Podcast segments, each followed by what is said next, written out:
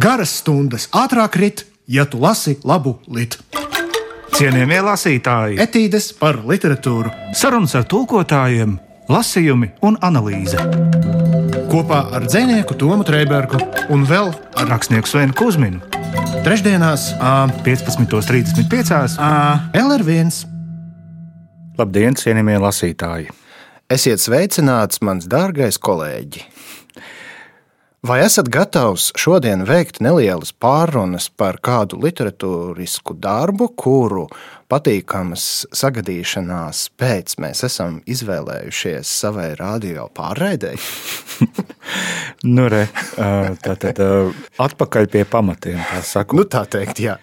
Man liekas, ka mums īstenībā šajā reizē būtu jābūt ar baltiem cimdiem, un uh, es nezinu, ko, ko vēl te varētu kaut kādu šo mūsu astotās radio studijas mm, galdu apklāt ar galdautu, jā. uzlikt kaut kādus vāzi ar ziediem un kaut ko tam līdzīgu.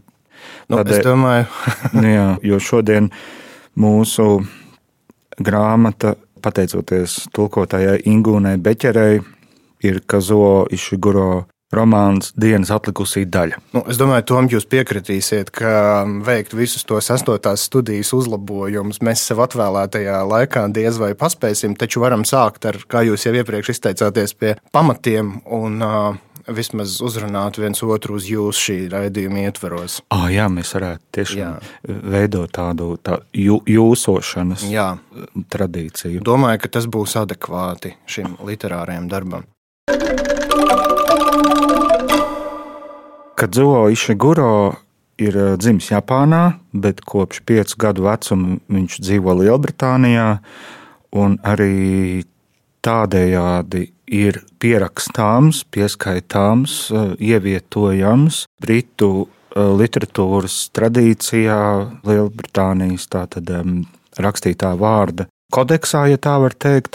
Un viņa romāns Dienas atlikusī daļa, kurš pirmo reizi dienas gaismu ierauga 1989. gadā, ir viņa pazīstamākais darbs. Viņš ir tulkots vairāk nekā 30 valodās, apbalvots ar Bukera prēmiju un arī iedzīvināts kinolentē Sera Antonija Hopkinsa un Emmas Thompsonas dalību. Un um, šis ir darbs, jā, kāpēc es par tiem baltajiem cimdiem tā pieminēju. Šis ir stāsts par to, ko nozīmē pieklājība, manuprāt. Laikam, Jā, laikam. tas ir ā, noteikti viens no galvenajiem ā, slāņiem šajā darbā. Bet es domāju, jūs piekritīsiet tam, ka nu, zem tās pieklājības. Nu, Išiguro kungs ir kaut kā ļoti veiksmīgi, es pat teiktu, izjaucis to pieklājību pa detaļām. Tā kā tādu kabatas pulksteni, lai saprastu, no kā tad īsti tā pieklājība sastāv. Un tad beigu beigās izrādās, ka tā pieklājība kaut kādā ziņā ir vēl viens mehānisms, kas ne tikai izstāsta kaut ko tādā patīkamā un sabiedriski pieņemamā formā, bet kaut kādā mērā arī pārveido to realitāti. Nu, jo tā, es domāju, cienījamiem lasītājiem ir jāsniedz uh, neliels ieskats grāmatas sižetā. Jā, šis darbs koncentrējas uz uh, Sulaini, uz Stevens kungu, un tā ir tāda šī cilvēka atskats uz aizvadīto kalpošanas laiku. Mūžu pat var teikt. Jā, Viņš ir mūžu. veltījis mūžu vienam Jā. no labākajiem britu aristokrātu namiem. Un tad vienā brīdī Stevens kunga ierasto ritumu, ikdienības pieradumu pārtrauc uh, kāda plānota satikšanās. Bū- Būtībā viņš dodas ceļojumā, lai satiktos ar uh, savu ļoti grūti tagad noformulēt uh, iespējamo mīlestību, bet laikam ne līdz galam mīlestību, bet vienkārši savu kolēģi, ar ko viņi strādāja kopā. Tā tad uh, kalpoja viena no šīm tātad. Vienā no šiem ā, smalkajiem namiem. Vienā no Jā. šiem smalkajiem namiem. Mm. Jā, tieši tā. Bet uh, tas man šķiet ļoti adekvāti, kā jūs aprakstījāt, nu, ar tādu mazliet nedrošību, bet kas tad viņa ir šī būtne, kas kādreiz it kā strādāja kopā un kādēļ viņa raksta? Jo Stevens kungs jau pats nav līdz galam pārliecināts, kas tad viņa tāda ir. Viņam, protams, vienmēr ir, um, un tas ir interesanti. Viņš it kā runā ar pārliecību, bet ar tādu ļoti rezervētu, smalku un pieklājīgu pseido pārliecību, par lietām, kuras viņš it kā līdz galam nesaprot. Tad, kad viņam rodas kaut kādas šaubas, viņš vēl brīžiem mēģina pats sevi arī monologu veicot ārkārtīgi delikāti, pārliecināt par to, ka nē, nē, nē nu tā jau nu gan nebūs, ka es te tagad kaut ko sadomāšos. Un patiesībā viņš jau sen ir aizdomājies par nezinu ko. Un man mm. patika vispār. Ir šausmīgi sarežģīti cienījamie lasītāji runāt par šādu literatūru, uh, neizbojājot jums to stāstu, bet vienlaikus sniedzot pietiekami daudz informācijas. Bet nu, kaut kur vietām laikam tomēr iezaksies pa kādai varbūt liekai atklāsmei, bet tad, kad viņš beidzot ir ticis līdz um, tai savai bijušai kolēģei, tad vienā brīdī viņš sāk pats sev uzdot, pat neuzdot jautājumus, teikt, Jā, bet, protams, ir pilnīgi iespējams, ka varbūt es būšu savā lielā satraukuma brīdī mazliet nepareizi nolasījis viņas motīvus. Jā, jā. Taču cilvēks jau nevar zināt visu iepriekš.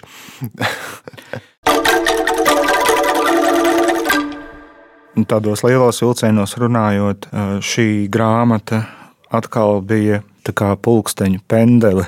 Es atvainoju, nu, tā nu, atsvars labi senatnīga pulksteņa atsvars, kurš uh, uzsita toni par to, ka nu, īstenībā te ir diezgan daudz no Marcela Prusta. Bet, protams, bet, protams. Jā, un... Išiguro jau arī ir uh, citējis Prustu un atsaucies uz viņu kā uz vienu no savām galvenajām literārajām ietekmēm.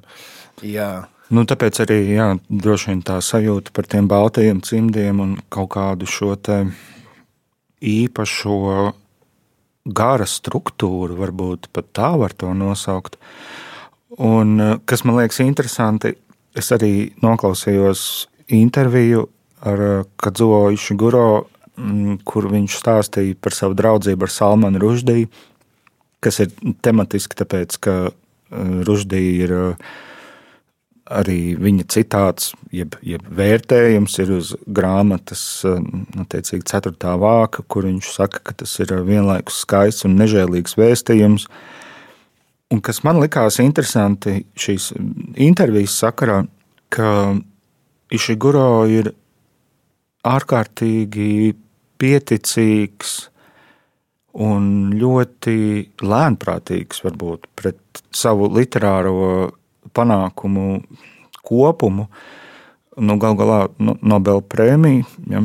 Nu, jā, tas nu, tur tā, tā, arī, tā lietiņa, ja, un, jā, un arī Bukārs. Maziņš un, bonusiņš tāds literārā karjeriņā. Bet man liekas, jā, ka tā viņa tiešām, jā, kā es minēju, tā pieticība un tā vienkāršība, un ko viņš arī runājot tieši par uh, dienas atlikušo daļu, piebilda, ka tas viņa nodoms ir um, restartēt eh, realitāti no jauna, respektīvi atdzīvināt šo iespēju, ka mēs nevis eh, esam pavēlnieki pār sev piešķirto laiku, bet eh, mūsu piešķirtais laiks mums ir liela dāvana, un mēs esam šīs dāvanas saņēmēji. Jā, tas man liekas ļoti būtiski tieši šī romāna kontekstā. Jā, tur ir ļoti, ļoti izteikta un tādā ziņā arī prustiska sajūta nepārtraukti katrā lapusē, ka laiks paiet. Vēl jau vairāk viņš ir pagājis, viņš jau ir pagātnē, un tā stilistika, tā varbūt kaut kādā ziņā pat pārspīlētā, delikātā pieklājība, ar ko tas ir sarakstīts, tas kaut kādā ziņā Nu, ziniet, jūs noteikti būsiet pamanījis, ka mm, parasti literatūrā uh, Atskatoties uz laiku, pirmajā personā vēstītājs bieži vien mēdz būt nu, kaut kādā ziņā autoritatīvs par to, kas ar viņu ir noticis. Ar to es domāju, ka viņš ir diezgan liela autoritāte, dalās savā atziņā, un tā tad arī ir tā negrozāmā patiesība.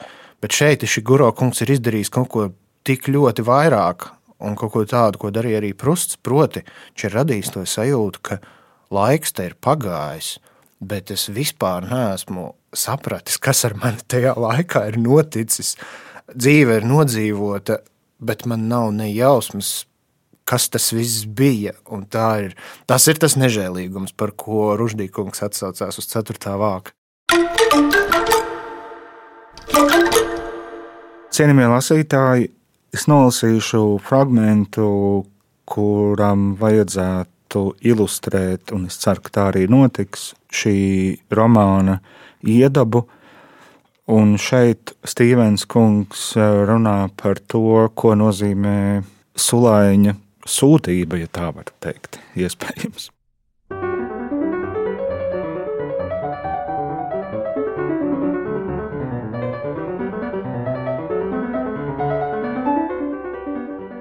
Es ticu, ka pamazām atklājas atšķirības starp dižu un tikai kompetentu virsulaini.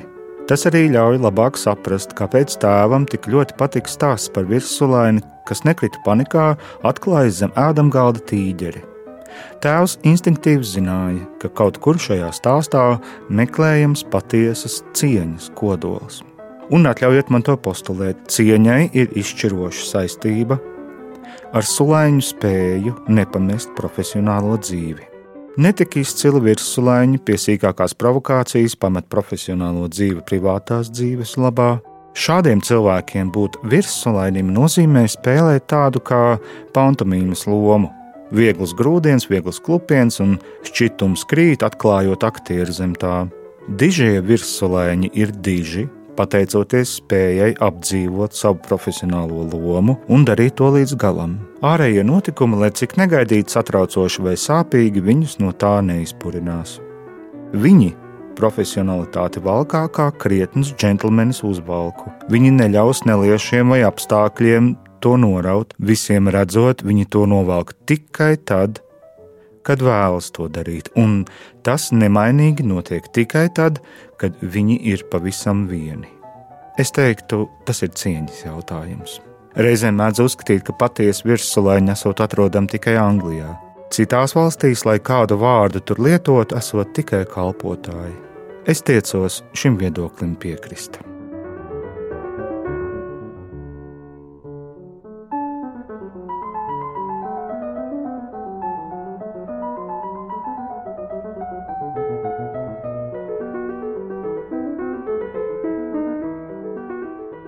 Šī frāze par to, ka viņi profesionalitāti valkā kā krietnus džentlmenis uzvalku, mm -hmm.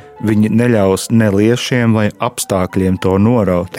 Jā. Un uh, man liekas, ka, protams, ka man droši vien būtu no tā jāatradinās, bet ir kaut kāda vēlme siet Išiguro kungam klāt arī to dzējas manieri, varbūt tāpēc, ka tā metaforiskā izteiksme liek domāt par dzēju kā nu, dzēju prozā. Kaut gan, protams, ka nu, šis ir. Mēs ļoti nosacīti par to varam runāt, bet man patīk šī tās virāžas, kuras viņš izveido un kurās viņš lasītāju iesaista. Bet es domāju, ka šeit tās virāžas ir Nu, protams, ka tajās ir daudz no dzīslas valodas, taču šis ir viens no tiem gadījumiem, kad tās virāžas ir arī absolūti pamatotas. Vēl jau vairāk tās ir daļa no stāsta.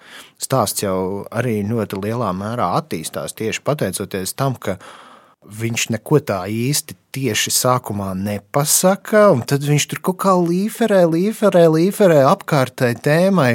Un es tā brīžiem domāju, bet vai jūs, Stevens, kungs, vispār pats redzat, kas jums ir acu priekšā? Un tad brīžiem nav skaidrs, un tad, kad viņš pie tā pēkšņi nonāk caur visām tām virāžām, pēkšņi izrādās, ka viņš, viņš ir kaut kāda milzīga šoka priekšā.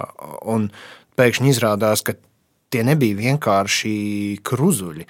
Tas arī bija tas varoņa ceļš, ko viņš veica, bet tikai tā trajektorija bija kaut kādās bezgalīgās jūgenstila cilpās izvirpināta. Eh, Sven, vai jūs varētu varbūt atrast kādu jūgenstila cilpu, kuru no savas puses piedāvāt kā tādu eh, šīs grāmatas pieredzi jūsu interešu lokā. Es nezinu, jūs, jūsu, jūsu, jūsu uzmanības vērta. Bez šaubām, cienījamie lasītāji, atļaujiet man postulēt jums kādu fragment no Kazojuša Guro romāna dienas atlikusī daļa. Mm. Ingūns Beķers tulkojumā. O jā.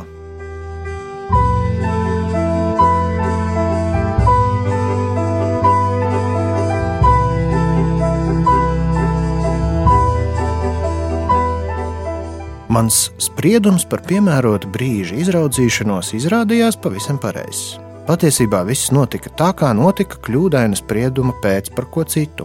Proti, es pietiekamā mērā nerēķinājos ar to, ka šajā laikā Feradēja kungam patīk bezrūpīgas, humoristiskas sarunas. Zinot, ka visticamāk viņš būs šādā noskaņojumā, kad es ienesu pēcpusdienas tēju, kā arī to, ka viņam parasti ir tieksme šādos brīžos ar mani runāt ķircinošā tonī, būtu bijis prātīgāk Kentonas jaunkundzi vispār nepieminēt. Domāju, ka sapratīsiet, tas man likās gluži dabiski, lūdzot dāsnu kunga pretimnākšanu, likt noprast, ka manam lūgumam ir zināms profesionāls pamatojums. Un tā notika, ka norādot iemeslus, kāpēc šim ceļojumam esmu izvēlējies rietumu novadus, es nevis aprobežojos ar to, ka uzskaitīju vairākas no Saimona kundzes sējumā aprakstītajām pievilcīgajām detaļām, bet arī pieļāvu kļūdu, ieminēdamies, ka šajā apvidū dzīvo Darlingtona nama kādreizējā saimniecības vadītāja. Laikam gan es grasījos Feredēja kungam paskaidrot, ka man būs izdevība apraudzīties vai neizdosies rast risinājumu šī nama problēmām, Taču tikai pēc tam, kad jau bija Kentonas jaunkundze pieminējis, es pēkšņi sapratu, cik nevietā būtu turpināt. Nevarēju būt drošs par to, ka Kentonas jaunkundzei ir vēlēšanās atgriezties darbā, turklāt pēc mūsu pirmās tikšanās pirms gada nebija apspriedies ar Feredēju kungu par iespēju pieņemt vēl kādu darbinieku. Skaļi paust savas domas par Darlingtona nama nākotni būtu iedomīgi. Laikam gan es tajā brīdī spēju apklusu un izskatījos neveikli, un Feredēja kungs izmantoja izdevību, lai plati uzsmaidītu un ar zināmu uzsvaru sacītu: Kas to būtu domājis, Stīvens? Draudzene, jūsu gados? Šī nu gan bija augstākajā mērā nērta situācija, kādā Lords Darlingtons nekad nevienu kalpotāju nenostādītu. Taču man nav ne mazākā nodoma pārmest viņam nepiedienību. Galu galā viņš ir amerikāņu džentlmenis, un viņa ierašas daudzkārt izrādījušās pavisam citādas. Nav ne mazāko šaubu, ka viņam nebija ļauna nolūka, taču ceru, jūs sapratīsiet, cik neveikli jutos es. Es nekad nebūtu iedomājies, ka esat tāds siržu lauzais Stevens, viņš nerimās. Dvēselē nevar ļaut novecot. Nezinu, vai man pieklātos jums palīdzēt sarīkot tik apšaubām tikšanos. Protams, es izjūtu kārdinājumu tūdaļ pat un nepārprotami noliegt iemeslus, ko kungs man piedēvēja. Taču laikus apģēros, ka tādējādi es būtu uzķēries uz Feredēja kunga ēsmas un situācija kļūtu aizvien neveiklāka. Tāpēc paliku neveikli stāvam, gaidīdams kunga atļauju manam ceļojumam.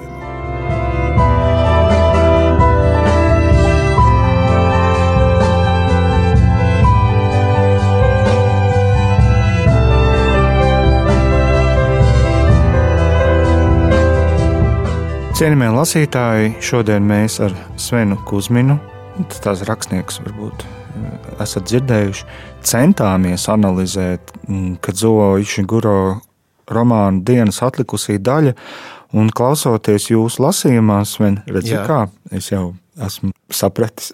Tas nāk ar laiku. šo, šo vietnieku vārdu lietojumu. Jā. Un klausoties jūsu lasījumā, es sapratu interesantu analoģiju. No, no. Un tu droši vien būsi pārsteigts. A, a, a, a. Ko lūdzu? Jūs atkal. Uh, à, jūs, à, jā. jā.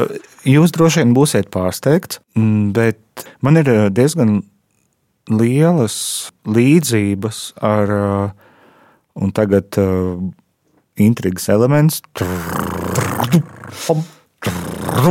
ar kalpu zēnu vasaru. Ar kalpu zēnu vasaru? Jā. Interesants novērojums, bet es saprotu, kāpēc. Jā, jā tāpēc, ka man liekas, ka Išguro arī viņš konstruēja to Stevens kunga skatījumu uz notiekošo līdzīgi kā akurāters to dara, respektīvi mūsu romāna varonis, viņš ir kaut kur nedaudz ārpusē. Viņš nav notikumu centrā, viņš ir vērotājs. Tāpat kā tas mm. ir arī kalpsēnu vasarā. Un arī šī teiksim, intimitātes līnija ar, ar, ar viņa iespējamajām romantiskajām jūtām, kurām viņš vēl iet cauri, kā nezinu, pārskalojot fotografiju no fotoattīstītājā. Viņš ir visu laiku kaut kur ārpusē. Mm -hmm. Turpat ir tāda aina, kur notiek saruna starp viņa iepriekšējo ilgadējo darba devēju Dārlingtona kungu. Un te man ir jāpiebilst, ka varbūt mēs esam radījuši jums, cienījamie lasītāji, pagaidām priekšstatu, ka te ir nu, tā sociālā un romantiskā līnija, bet um, vēl, protams, šai grāmatai ir arī vēsturiskā, un vēsturiskā no ļoti īpatnēja skatu punkta, jo Nu kā, stāsts par vienu no lielajiem angļu aristokrātu namiem īsti nav atdalāms no gadsimtu mijas laika lielajiem notikumiem. Jā, Jā. 30. gadu nogale, un pēc tam viss tas, kas sākās ar 41. Jā, gadu. Patiesībā turpat ir pats pats gadsimta sākums arī. Nu, viņš kā jau aristokrātijai piedienas Viņš ir izgājis cauri, nu, jā, viņš ir izgājis cauri laikmetam, laikmetiem, laikmetu maiņām. Un tur ir aina, kur Darlingtona kungs tiekas no vien, ar vienu no lielajām tā laika globālās skatuves figūrām. Un Stevens kungs tikmēr stāv ēnā, un viņš apraksta diezgan plaši, kā pareizi stāvēt ēnā, lai jūs nepamanītu Un tajā pašā laikā viņš, viņš ir tikko aprakstījis stāvēšanu ēnā. Un tajā pašā laikā viņš it kā pabeidz to savu apkalpošanas reverāns, un Dārlingtona kungs viņam saka tādu zīmīgu frāzi: Ah, Stīvens, jūs tas esat! Vienā brīdī man likās, ka jūsu ir trīs. Nu, respektīvi, tu, no vienas puses jūs sadalāties vairākās personās, no otras puses jūs esat tik nemanāms zobrats un vienlaikus nu, ja to zobratu izņemtu no mehānisma, tas izklausās tik dīvaini, bet uh, varbūt vēsture nebūtu izvērtusies tā, kā viņa ir izvērtusies, ja nebūtu Stevens kunga. Tā ir sajūta, kas man pārņēma šad un tad lasot grāmatu. Wow! Tu, jūs, Sven, uh, ierakāties dziļāk augsnē nekā, nekā laikam es to spēju. Nu ko, cienījamie lasītāji, tā nu ir vēl viena grāmata, ko laikam mums ir jāpiemina, kā latviešu sakot, must read. Tas nepieciešams izlasīt. Nepieciešams izlasīt, jā. jā, jo tie baltie cimdi, varbūt mums viņi nav uz mūsu plaukstām, bet uh, galvenais, ka mēs saprotam, ka tā ir arī nu, tāda dzīves izpratne, jo tos baltos cimdus var turēt arī prātā gal galā. Katrā ziņā cienījamie lasītāji, velciet savus iekšējos baltos cimdus. Tom es pateicos jums par šo sarunu un novēlu jums patīkamu atlikušo dienas daļu. Paldies jums, Sven! Visu labu, cienījamie lasītāji! Garas stundas ātrāk rit, ja tu lasi labu litu. Cienījamie lasītāji, etīdes par literatūru, sarunas ar tulkotājiem, lasījumi un analīze. Kopā ar dzinieku Tomu Trēbergu un vēl ar rakstnieku Svenu Kusminu. Trešdienās, 15.35. LR1